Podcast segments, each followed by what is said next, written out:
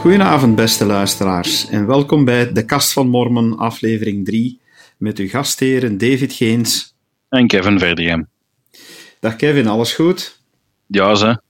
Al, uh, al een, uh, een, drukke dag achter de rug en uh, ik ben blij dat we nu ons, ons leuk evenement kunnen hebben van de avond, onze podcast opnemen. Kijk, kot naar uit. Het is inderdaad altijd leuk. Hè, van...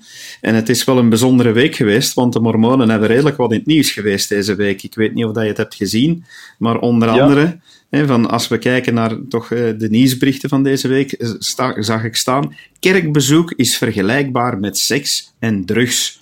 En dan vraag je natuurlijk af, wat hebben de Mormonen daarmee te zien? Wel, um, de standaard heeft dat blijkbaar opge opgeduikeld. Um, en die hebben daar een heel artikel in gedaan, uh, waar dan ze zich, uh, de, zich de vraag stellen: wat doet een religieuze ervaring met ons brein? En blijkbaar ongeveer hetzelfde als een portie seks of drugs. Dat uh, een krasse stelling, maar ze gaan er iets dieper op in. Ja, ja, inderdaad. Ik heb, er, ik heb er wat verder research naar gedaan, want het is gebaseerd op een aantal artikels die in Amerikaanse media verschenen zijn. Het is een onderzoek van de Universiteit van Utah. Het is een onderzoek gebeurd met 19 devote leden van de Kerk van Jezus Christus van de Heilige der Laatste Dagen. Dus mhm. met 19 mormonen, jong mormonen, allemaal op zending geweest. En wat men gedaan heeft, is dat men scans van de hersenen heeft genomen, terwijl die 19 jonge mensen met uh, geestelijke ervaringen bezig waren. Ja. Van, zoals je ook wel weet als mormoon, van, we zijn vaak bezig met toch dagelijks te bidden en met de ervaring van, van de geest op te zoeken. Nu, ja, als ik aan jou zo vragen... belangrijk ook voor... Als ik aan jou zou vragen om, uh, om, om te omschrijven van hoe dat je de, de Heilige Geest voelt, hoe, hoe zou jij dat zelf omschrijven? Als een, het wordt gezegd, het doet uw boezem branden, staat er in de schriften. En, en die ja, dat, is er niet zo ver van eigenlijk. Um, het, het, geeft u inderdaad een warm gevoel. Het geeft een goed gevoel, een rustgevend gevoel, een blij gevoel. Um, en in, in um, ik wil het woord extreem niet in de mond nemen, maar in extreme situaties, uh, waar je de geest heel sterk voelt, kan dat zelfs een euforisch gevoel zijn dat je, dat je ervaart. Ja, nu, blijkbaar uit dat onderzoek is gebleken, uit die scans, dat wanneer de deelnemers aangeven van hey, ik voel die Heilige Geest nu heel sterk. En dus die ervaringen die jij ook omschrijft en die, die voor, mormonen, voor mormonen zeker helemaal niet onbekend zijn, ja, blijkt dat in de hersenen altijd het gebied de nucleus accumbens oplicht. En dat is voor uh, degenen onder ons die geen neurochirurgie of dergelijke hebben gestudeerd, uh, waaronder ik zelf, uh, we dat even moeten opzoeken. En dat is het gebied in de voorhersenen dat een rol speelt bij plezierige zaken zoals verlangen, passie, bevrediging en verliefdheid. En in datzelfde deel van die hersenen zitten dus ook de beloningscircuits die in actie treden wanneer mensen lekker eten, drinken en dus ook wanneer ze seks hebben of drugs nemen. Zit allemaal in diezelfde hersenkern. Dus daaraan zie je toch van dat het niet abnormaal is dat je van geestelijke ervaringen eigenlijk gelukkig wordt. Ja, absoluut. Het is, uh, het is heel leuk om te zien. Hè. Ze weten natuurlijk nog niet of dat um, andere godsdiensten op dezelfde manier een religie. of dan ze op dezelfde manier reageren. Uh, studies van andere onderzoekers die suggereren dat uh, bijvoorbeeld meditatie en um, ja, de contempleren, dus goed nadenken over dingen, uh, van veel Oosterse religies bijvoorbeeld um, andere hersencircuits aanspreken. Mm -hmm. Nu, ik ben er ook weer zeker van dat er natuurlijk critici zullen zijn die het uh, zullen gebruiken om omgekeerd uit te leggen. Die zullen zeggen van, oh, kijk, van zie je, geloof en, en het ervaren van de Heilige Geest is allemaal puur iets chemisch in de hersenen en dergelijke meer. Nu, ja, wij weten ook van dat, dat uiteindelijk alles kan van twee kanten uitgelegd worden. Dat is ook de mhm. bedoeling van onze Hemelse Vader, dat Hij volstrekt neutraal blijft en onze volledige keuzevrijheid laat in het feit of we geloven in Hem of niet. Nu, eerlijk gezegd, ik stel me dan gewoon weg de vraag van oké, zelfs als het is dat het, dat het wat oorzaak en gevolg is en het chemische proces in onze hersenen, dan vraag ik me toch af van ja, waarom zijn onze hersenen dan toch zo gebouwd om net ook bij die geestelijke ervaringen het positieve te ervaren. Dus ja, inderdaad. Voer voor discussie, maar ik vond het toch heel opmerkelijk en mij staat het niet verwonder, verwonderlijk voor dat ja, iemand gelukkig wordt van zulke geestelijke ervaringen en dat daardoor net die hersencellen die met geluk te maken hebben oplichten. Ja. Een tweede artikel uh, dat we opgediept hebben in de krant deze week. Van, ja, dat, dat, heb jij opgediept. Uh, van, uh, kan je ons daar ja, wat meer over vertellen? Er is er eentje. Ik, ik heb dat artikeltje jaren bij mij gehad in mijn, um, in mijn portefeuille. En toen ik het um, in mijn nieuwsfeed op Facebook zag langskomen, het was een artikel op HLN, um, zag ik datzelfde afbeelding van die platen. En platen voor mormonen, ja, wij weten dat het, uh, het boek van Mormon een vertaling is van geschriften die op platen spreken van de gouden platen, ze waren in ieder geval goudkleurig. Um, dan is het toch fantastisch om te zien. Hè, sommige mensen stelden een vraag of dat het eigenlijk wel mogelijk is dat, um, dat dat waar was, dat er op platen geschreven werd. Want daar was nu toch uiteindelijk geen wetenschappelijk bewijs voor, nergens een parallel dat mensen op platen schreven. En toen ik dit artikeltje tegenkwam, uh, zoveel jaar terug, want het is, hebben ze ondertussen al acht jaar geleden gevonden, um, het gaat over lodenplaten. Uh, die gevonden zijn in Jordanië. Um, en daarin komt, uh, komt Jezus naar voren als iemand die uh, een duizend jaar oude religie uit de tijd van koning David in ere wilde herstellen. En niet als iemand die een nieuwe godsdienst wilde beginnen. Mm -hmm. um, dus ja, zeer interessant ja, voer voor, voor discussie. Ja, dat is het inderdaad. Van, um, wat het trouwens betreft, die afbeelding, we zullen die ook op onze Facebookpagina zetten, zodanig dat onze luisteraars eens effectief kunnen zien hoe, hoe die lode platen die men nu bestudeerd heeft gedurende acht jaar, hoe dat die eruit zien en hoe die, groot die gelijkenis is met de gouden platen zoals die beschreven zijn door eh, onze profeet Jozef Smit. Maar wat je daarnet zei van dat men uit het vertalen, of toch een poging tot vertalen van deze tekst, want dat blijkt toch niet zo simpel te zijn, hè, dan stelt men van mm -hmm. dat Christus inderdaad hè, geen nieuwe religie eh, is komen verkondigen. Maar ja, dat is exact wat dat wij als mormonen ook weten. Hè, van, we weten dat hij in de Bijbel wordt aangeduid als zoon van David, dus duidelijk dat die ja. link er ook is. En hij kwam geen wet afschaffen, hij kwam de wet vervullen. En ook, hij heeft een bedeling gestart waarin dat hij waarheid heeft hersteld. Daar wordt ook niet zoveel aandacht aan gegeven als in onze huidige bedeling, hè, waarmee we bedoelen van toen Joseph Smith geroepen werd als profeet in de 19e eeuw, dan ja, uit die openbaringen weten we dat er heel veel van de waarheid verloren was, maar niet alles. Maar we weten ook wel dat die waarheid hersteld is. Nu, dat is ook niet anders geweest toen Jezus Christus op aarde is geweest. Dus in die zin heeft hij inderdaad oude waarheden terug gaan herstellen. En vind ik dit ook toch weer hè, voor een stuk een bevestiging in wat wij door openbaring weten, wordt nu toch weer ook op, op deze manier door de wetenschap bevestigd. En ik vind dat het trouwens niet alles is. Uh, wat, er, wat erin bevestigd wordt. Want onder andere, ik heb ook gelezen uit het onderzoek dat men hieruit die teksten afleidt dat Christus, dat Jezus Christus, zo een godsdienst gehad hebben waarbij een mannelijke en een vrouwelijke God heeft aanbeden. Ja, hij zou die aanbeden hebben in de tempel van, uh, van Salomon was? Nee, David. Ja, um, inderdaad. En ja, eerlijk gezegd, van oude teksten, die moet je altijd proberen te reconstrueren. En die doe je aan de hand van wat je nu weet. En ik kan heel gerust aannemen dat christenen vandaag gaan interpreteren van dat in die teksten dat het gaat over een mannelijke en een vrouwelijke God. Maar ik vraag me dan af of het geen verwarring zou kunnen zijn.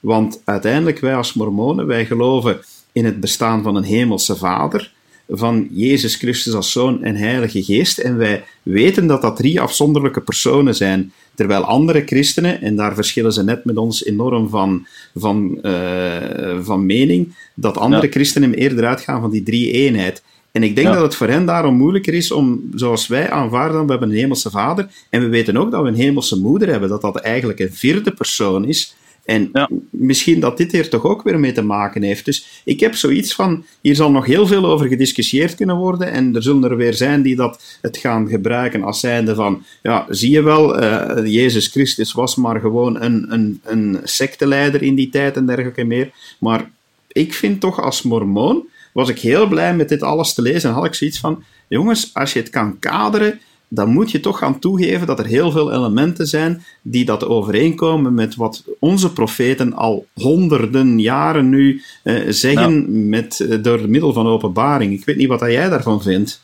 Ja, de gezinseenheid uh, is, is er al van in het begin um, van, van de schepping. Um, man en vrouw schiep hij hen in, in zijn beeld. En ik heb ook zoiets van: het, het lijkt mij onlogisch. We hebben aan de ene kant bevestiging uh, van, van onze profeten, maar aan de andere kant het lijkt mij ook logisch dat wanneer man en vrouw hier op aarde zo apart gescheiden worden in die twee geslachten, zou het mij maar gek lijken dat, dat ze daarboven allemaal mannelijk zijn. Inderdaad, dus ja, mij verwondert het inderdaad niet. Goed, tot uh, zover het nieuws van de afgelopen anderhalve, twee weken over waar mormonen in de krant stonden.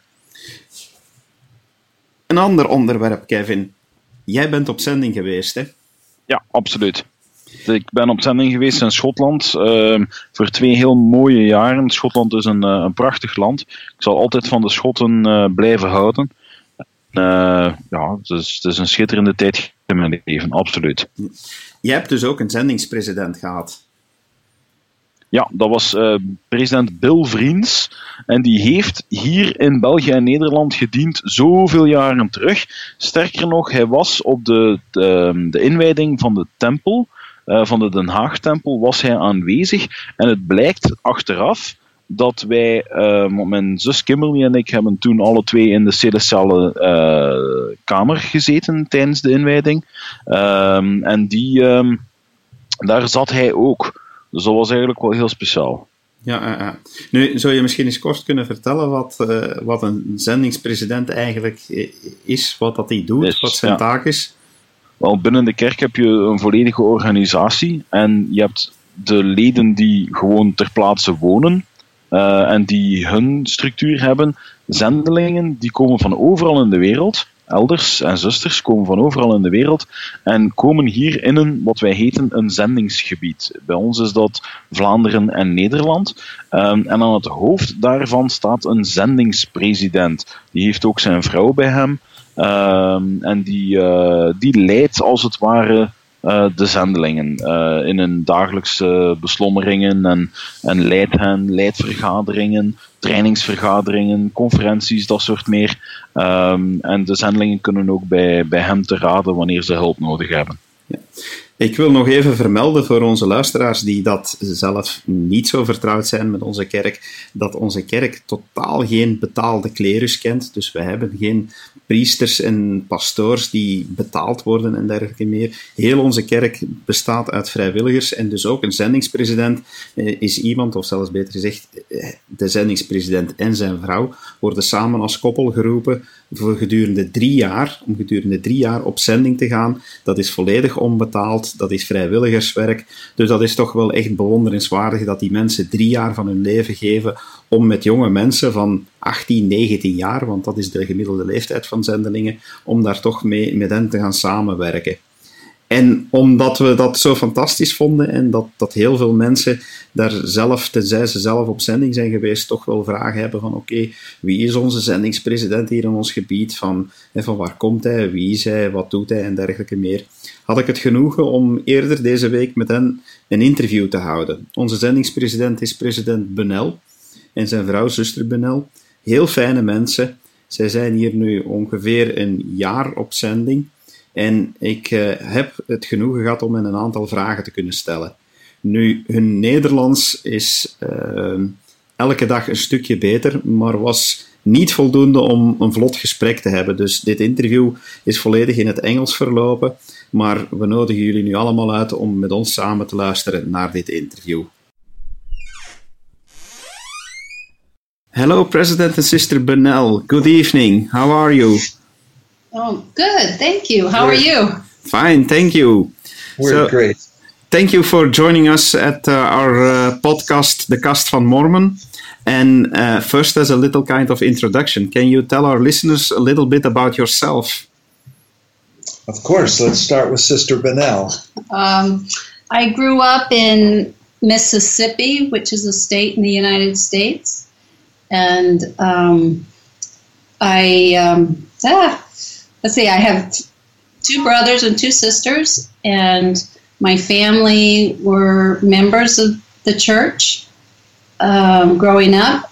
and we were all born in Utah, but we moved to Mississippi and lived there until my dad retired. I went to college at Ricks College, which is BYU Idaho, and that's where I met President Bunnell. And then we've had a great life since. Okay. Is Mississippi a state with a lot of Mormons? No, it is not. When I grew up, it's in the deep south, which they called that. Um, a lot of Methodist, Baptist, um, all different Protestant religion, Catholic. And I was the only Mormon in my high school with my siblings. And it was a small high school. But it was when they segregated and have the black black people had their own high school, the white people had their own high school until my senior year, and then the government made us combine together, and it caused a lot of uh, riots and problems. But that was clear back in the late 60s, early 70s. Okay, so that means that you are quite used to to live in an area where uh, it's not uh, not strange to be the only Mormon, so you can relate to us Europeans more. Right, right, that's right. All my friends were non-members, and uh, they were great friends. I loved them. Okay, and President Bunnell, tell tell us a little bit about you. Um, I grew up in Salt Lake City, Utah. I'm one of six children, uh, three boys and three girls. Uh, after growing up in, in Salt Lake City, um, I wanted to serve a mission, and I was called to serve in the Netherlands. I had no idea where that was. I had to get the encyclopedia out and look it up, and I learned all about it. And then when I came to serve here 45 years ago, I fell in love with the country and its people. Sadly, I didn't have a chance to serve in Belgium but I grew to completely love the Dutch and, and the people in the church that was here. And then when I, I went back to uh, Ricks College to teach in the LTM in those days, the MTC, and uh, I had an assignment to find a date to go to a party for the teachers of the LTM, Language Training Mission. And I didn't know any any girls at that time, but I was walking on the campus at Ricks College and saw the most beautiful co ed and followed her on the sidewalk until I got enough courage to ask her if she would go to that party with me. And that started our story. Beautiful. Beautiful. you see, it always comes on unexpected moments. But um, talking about unexpected moments, I can imagine, or maybe I, I should ask, uh, your calling as a mission president. How did that go? Was that at a sudden moment an unexpected call from President Monson on one day, or how does that work? Something like that. We. Um, I was doing my normal work. Uh, I hadn't thought about retiring yet and uh, we got a call from uh, Quentin Cook's office his secretary called and said, Would you come in and see Elder Cook? And I said, Well, sure, happy to, because I figured they wanted to call Sister yeah. Bunnell to do something. To serve in some general board of the church, because she is an extraordinary, faithful woman of Zion. And we went in and he interviewed us, and it took uh, took a while, an hour or so, and then said, "Well, we may be calling you back." And uh, he said, "Call us back if you don't hear from us in two or three months." So uh, a couple of weeks later, we got a call from President Eyring's secretary, at asking us to come in and chat with him. And I thought everything was good. We'd go in and hear about Sister Bunnell's new calling and Elder President Eyring started saying Maastricht, and then he would laugh. And then he would say Maastricht, and he would laugh. Evidently, his son served here and spent time in Maastricht, And so after we, he said that a few times, I started thinking, oh, he might have something to do with Dutch, the language. And that's when he extended the call for us to serve here. A complete and utter surprise. Complete surprise. Our lives just turned upside down in a few seconds. I can imagine uh, if you're not expecting such a thing, if you're still working, then it means yeah. a, a, big change to, to leave everything behind. Um, but um, at that moment, were you active in, in other callings or what were your callings before? Uh, yes, I was the Relief Society president at the time in our ward, and uh, president was serving in the High Council as the mission. What were you, the mission leader or something? Oh, uh, High Counselor over missionary work for our stake. Yeah. And so, so you were already involved with missionary work before. Already loving missionary work. Yeah. Yes. Yes maybe it's it's a good thing to to tell our listeners what what are the tasks of a mission president. What is what is your daily task? What do you do? Can you explain uh, a little bit more? Oh, I would love to. Maybe I'll start by telling you what I did today, and Sister Bunnell can tell you what she did. That today sounds I wonderful. Wanted, I wanted to be with the missionaries, so uh, we went and had morning studies with two missionaries and uh, learned all about how they study the gospel, how they study to prepare for the lessons they're teaching, how they study the language. And uh, then we went and met with two other missionaries, and they went off to do their work, and I worked with another set of missionaries. And I went to the home of a young man who is coming back to the church. And we had a wonderful visit with this humble, sweet young man who is changing his life around and wanting to come back into full activity. It was a wonderful event. And yesterday, I went out with a couple of missionaries and we talked to uh, a woman from China who was interested in learning about Christianity. And we had the privilege of teaching her about Christ about the Bible and the Book of Mormon and how the two of them testify of him.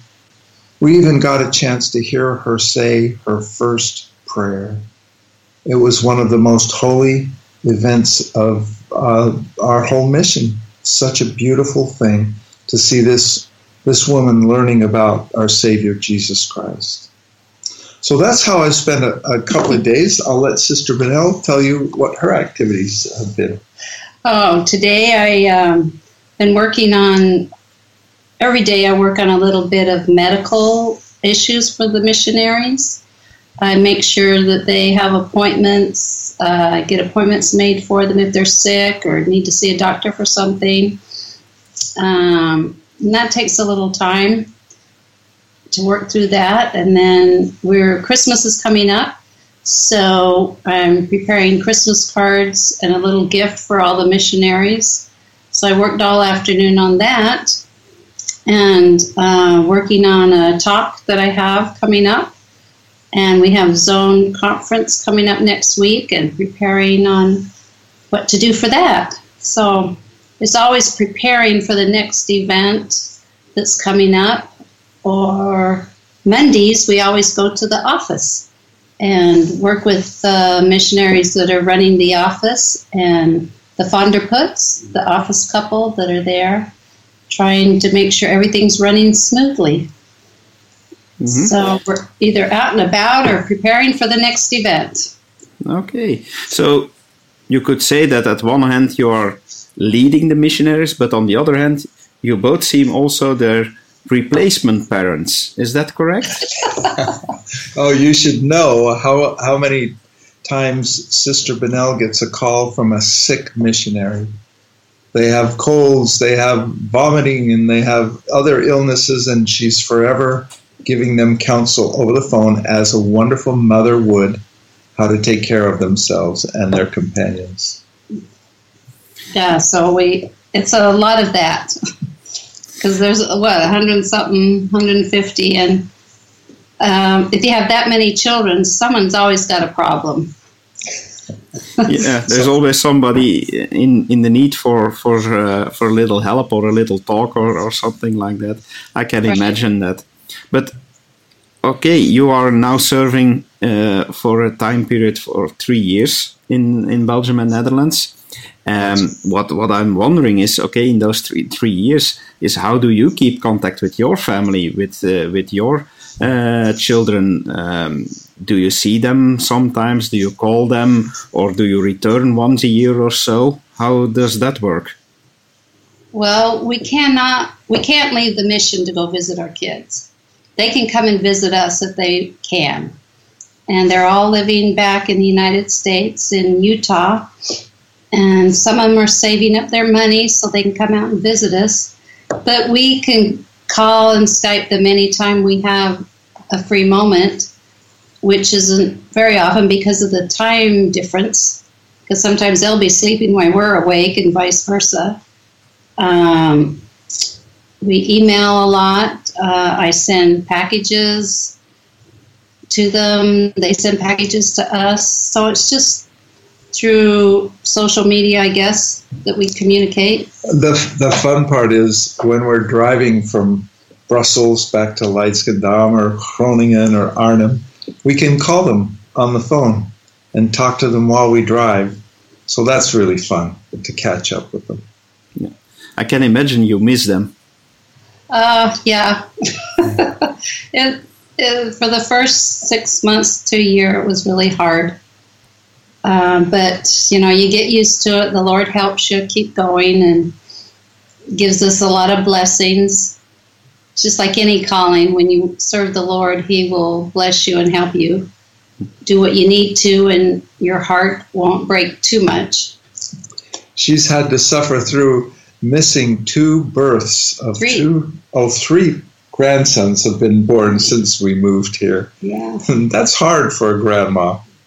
I can imagine that that that's is hard for for you. So I can also imagine that uh, after three years, you say it's been a wonderful three years, but now it's time to go home again. I can't imagine what life would be like at home. This is our life. We're completely immersed, and um, it's just such a joy to be here to serve with these wonderful missionaries. They're bright, they're enthusiastic, they're funny, and they're doing wonderful work. They're spiritual. We're, we're just grateful to be with them. Yeah.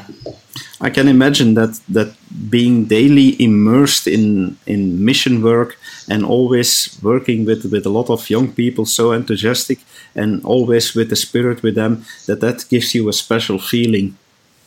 Oh, it's, there's oh. nothing like it that we've ever experienced. Yeah. In the callings that we've fulfilled in the church over the many years, this is this is uh, honestly the most exciting, the most challenging by far the most challenging and uh, the most rewarding. The most rewarding. It's been wonderful. Say, yeah. Talking about challenges, what, what would you consider the most challenging task in your calling at this moment? Oh my goodness. Uh, probably the one thing that we work the hardest on is uh, trying to seek the Lord's will to know where our missionaries should be transferred to and from. Um, there are so many factors that you consider as you think about the personalities, the places where they are, the members where they are, how the work is going, what could what personality or what kind of talents would strengthen the work. Uh, that that and which which missionaries would we ask to serve in certain leadership positions takes a lot of time, a lot of prayer, a lot of fasting, and hard work. That's a very challenging case. We also have missionaries who face some very difficult things. Life goes on for them and their families. A missionary who lost his father, uh, missionaries who, who are losing grandfathers, uncles, aunts, uh, even even little ones in their families. So those those things come up, and uh, that takes extra effort too and we try to help them through those times. yeah, that uh, that gives you, an, of course, extra dimension to your calling. Is you have to know all those missionaries. I can I can hardly imagine that you know them all by. Uh, of course, you know them all by their name, but also who they are, what their what their feelings are, how they are, how they act with other missionaries and stuff like that. So, the first few weeks must be hard to to get them to know them all, isn't it? yeah. Uh, uh, it's still a little bit difficult to keep to remember all the details about all of their lives. But after you serve with them for a little while, it's not you can't forget them. Yeah. Each is a unique, wonderful individual. Yeah, I just wish we had more time to get to know them more individually. You know, we do to a point, but there's not enough time. And we do interviews with them, and that really helps every few months. But it'd be nice to really spend a good day with each one of them. we do the best we can, and they're just, they're wonderful. Wonderful young men and women.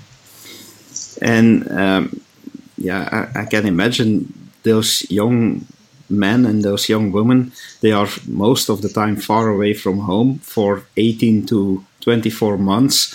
Uh, I can imagine that are sometimes homesick missionaries. How do you deal with them? Oh, yeah. You know, I, I think that the best resource we have for those missionaries, we have two wonderful resources. One is the senior couples we have senior couples spread all through these two countries, and we're so grateful for them. They do wonderful work. And when a missionary is down and out, we can just call up their surrogate grandma, grandpa, and they'll rush to their side and help them. So we're grateful for that. But the key is, I believe, is the wonderful relationships that the members have established with our missionaries. They take such good care of them.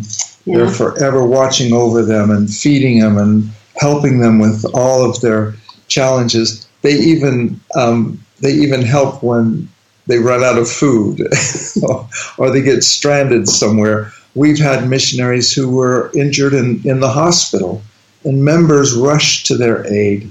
Until we could get there, they're always there to help.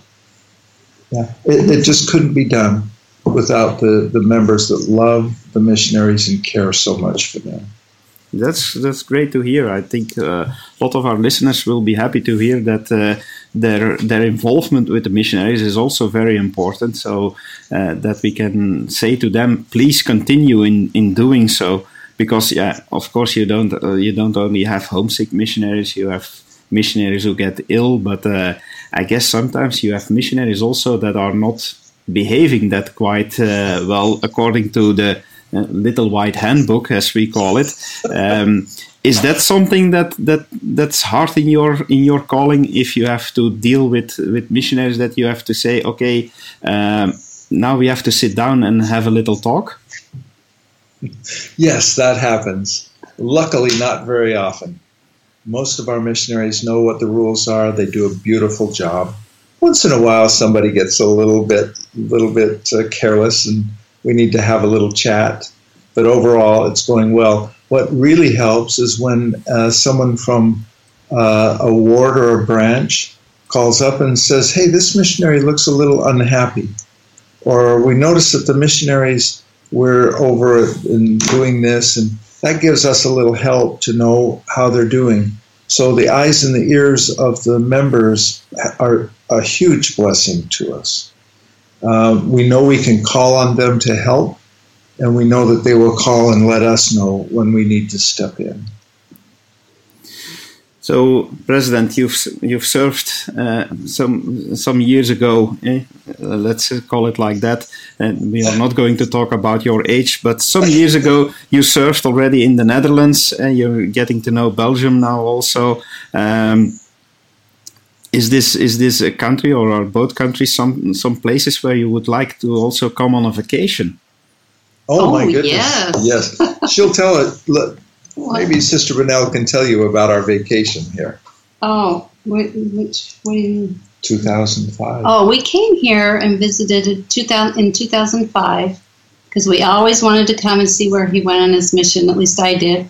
And um, we saw some of the cultural sites and a few things here and there, and it was just so beautiful. And I just fell in love with it, the country, and it was it was meant a lot to me to be here. And then to have this opportunity to come back and live was amazing because I I love the lifestyle here.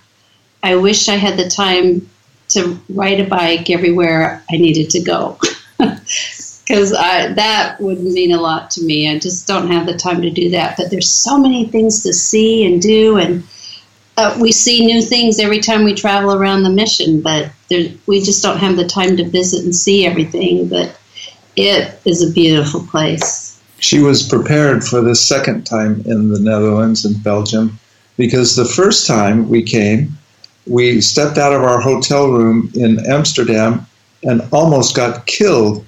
We walked right into the bike lane and it was a mess. We were not even thinking about it and it was very dangerous. But we kind of get used to that now. Yeah. What are the most beautiful things you have seen in, in, in your mission here? If you top of your mind. Oh, the countryside. I love the countryside. The old buildings, the architecture of things, the canals with the boats in them, the swans. Oh my goodness. Um, what else? The Molen. The Molen. They're beautiful. Yes. And we fell in love with the atomium. we think that is the most amazing structure. It's just so yeah. beautiful. Okay, we little, little pop quiz. How many balls do, does the atomium have? Oh my goodness.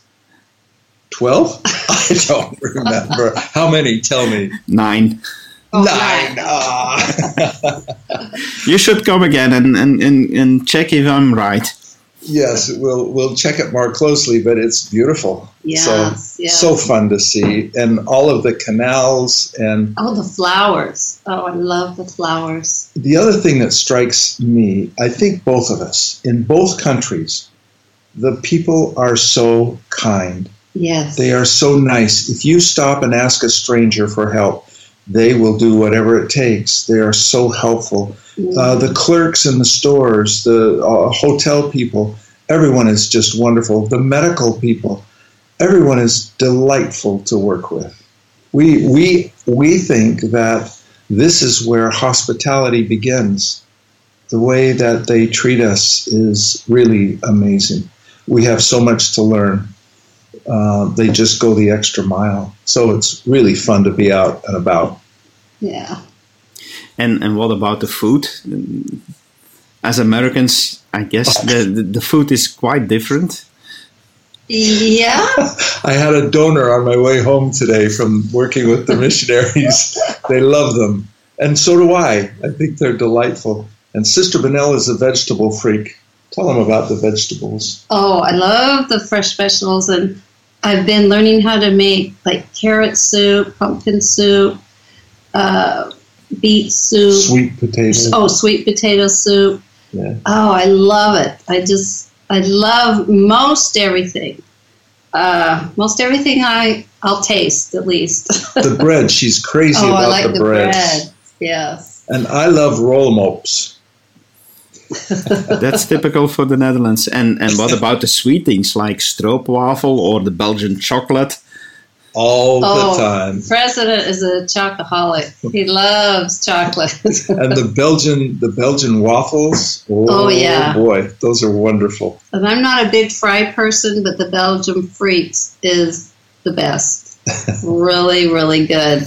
I totally agree. I still think it's a mistake they call them French fries.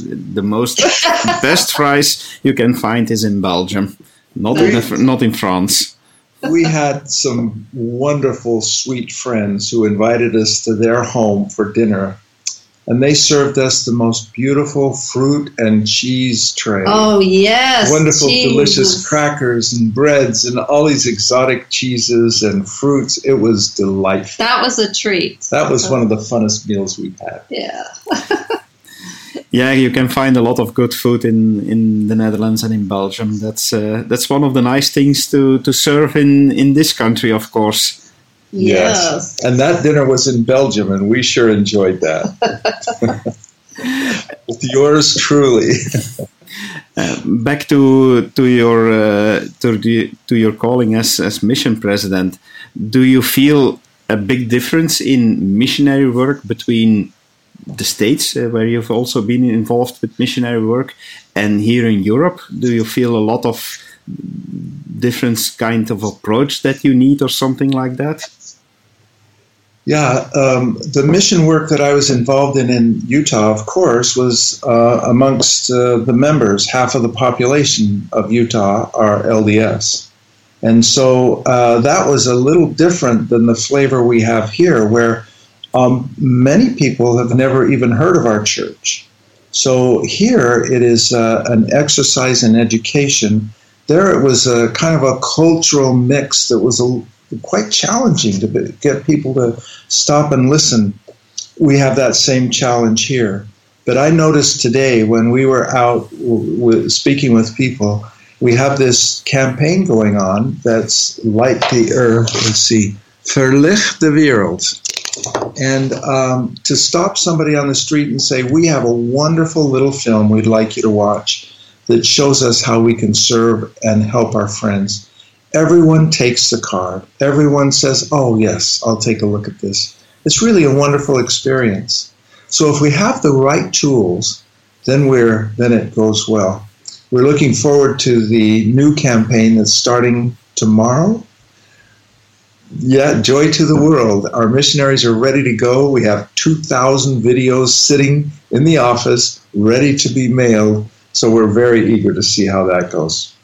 But it, but the teaching teaching about the faith here. When I was here on my mission, we frequently got caught in uh, doctrinal debates uh, because people were more religious. We we've learned that 13% of people now in Netherlands and Belgium are religious. So most of the time, we are trying to help the people get a feel for the joy that comes from knowing Christ and being a part of his organization. A different challenge. I can imagine that nowadays it's quite different to talk about religion here in Europe. It has uh, it has quite a bad name already with uh, with some things that happened, of course, in Europe with terrorism and stuff like that. So uh, it's wonderful that we have missionaries that that are involved in spreading the joy about religion. Of course, that's uh, what we have to focus on. Um, but maybe to end this wonderful talk that that we have, um, what what would you consider as one of the most joyful things that happened to you during the time you were already here. If you can, each of each of you can pick one thing top of your mind that you say, okay, that was the most wonderful thing that happened to me over here. Mm. Oh man, that's kind of hard. The most wonderful thing that's happened. I think just feeling the love of the members and knowing that you know, wherever you go in the world, that the church is true and there's members that love the gospel and are trying their best to live it. That's a joyous feeling because you always feel at home and that you're accepted and loved. Um, from the tiniest branch to the largest ward, it's just a joy to see these people here. Um, even though you know they're one of many, or one of few that belong to the church, you know. They're very a minority, and so just to see them so strong, that's a joyous thing to see for me. I well, I agree with that. I, it is a joy to work with the members, and we respect them so much for the power that they have and the and the and the strength of their testimonies. I I would end with a, a, an experience that I had yesterday I can't get it out of my mind. This this young woman from China who did not have much of an exposure to Christianity at all. and she simply wanted to know what why there were so many Christian churches because she was a little confused about that. And then how could she come to know which one is right? I watched two missionaries teach her how and helped her understand on a very basic level the the foundation that Christ built his church on when he was on the earth and the foundation that the church is built on now. And to see the light come on in her eyes, it took away the darkness, the confusion. And then one of our missionaries had the courage to ask her to pray, and she had never prayed before. He taught her in very simple steps how you begin your prayer, what you say when you finish. And this beautiful Chinese woman gave her very first prayer in our presence. And when she finished, we gave her a moment and then we asked her how she was feeling. And she said, At first I feel I felt so small because God is so great. And then she said, But after a while, my heart began to fill with warmth, and it felt so good. And the tears were running down her cheeks, and the feeling was so strong. That is the reward of this work. And we're just grateful to be here to bring that opportunity to people. That's wonderful, President. That's indeed the most beautiful thing that you can experience is that if you can share the joy that we have in knowing Christ and in having the gospel in our lives, if you can share that moment, it's always wonderful. I totally agree with you. So I would thank you both for joining us this evening. It was wonderful to, to talk with you. Thank you so much. And maybe for closing, is there one other thing you want to share with our listeners? Well, I want to thank you for taking your time to do this, for all you do to help us. Um, I don't know if your listeners know the extent of your talents and your contribution, but we are so grateful to you for what you do. I just want to bear my testimony, but I'll let Sister Bunnell share hers first, and then I'll I'll say a, a word. Um, thanks again, um, Bro- Broder Broder Haynes. Sorry. Um, yeah, I just my testimony is simple, but I have learned a line in Dutch that I always means a lot to me, and that is it. Ik weet dat het boek van Mormon waar is. Ik weet, ik weet. It, uh, no, I know. Ik Uh-huh. weet, ik weet. And that's my simple, strong testimony. In the name, naam van Jezus Christus. Amen. Wonderful. And I, I just want to say that it is a privilege to see the atonement of Jesus Christ at work. When people can change their lives and move from sadness and darkness into the light and bask in that light and feel the discovery that the Savior loves them and that He forgives them, to be able to watch that in people's eyes the the um, less active members that come back, the people who are introduced to the gospel that come back, even the missionaries when they discover that wonderful gift. That's what it's all about. And I testify that this is His work. And that's what He wants. He wants us to change and come to the light. And it's a joy to be involved with that. And that's my testimony in the name of Jesus Christ. Amen. Amen. Thank you so much. This is a beautiful thing to close with, to keep these testimonies in our heart. Thank you so much, Sister Bunnell, President Bunnell, and we'll hope to see you a lot more in the coming weeks. And, uh, to end, I wish you already a nice Christmas period. Enjoy uh, the holidays and talk to you soon. Thanks, oh, thank you, and Merry Christmas. Kevin, we krijgen ook nog een bijzondere vraag binnen in deze maand en dat is de volgende. Vieren mormonen kerstmis? Absoluut, absoluut. Ik hou van kerstmis. Ik leef voor kerstmis. Maar voor mij is het wel pas na Sinterklaas. Bij ons op werk wordt een boom de 5e december al geleverd. En ik heb zoiets van: nee, dat mag pas na de 6e. Maar ja, Oh, ja, dan had ik de vraag misschien nu nog niet mogen stellen aan u. ik denk dat het wel gepast is. Uh, ja. maar ik, ik hou enorm van kerst. Dus, uh, het is een moment van samen zijn met familie, vrienden. Um, het, is voor mij heel speciaal. En uiteraard, uh, los van dat alles, want veel mensen spreken van de pakjes en de cadeautjes. En voor ons is het natuurlijk dat we de geboorte van onze heiland Jezus Christus gaan herdenken. En ja, dat, dat maakt het toch het meest speciale. Dat is iets waar wij in ons gezin ook altijd een moment voor nemen wanneer we op kerstavond, um, voordat we gaan eten, voordat we nog maar denken aan cadeautjes uitwisselen, uh, vertellen we aan elkaar uit de schriften ook het, uh, het, het, verhaal van de geboorte van Christus.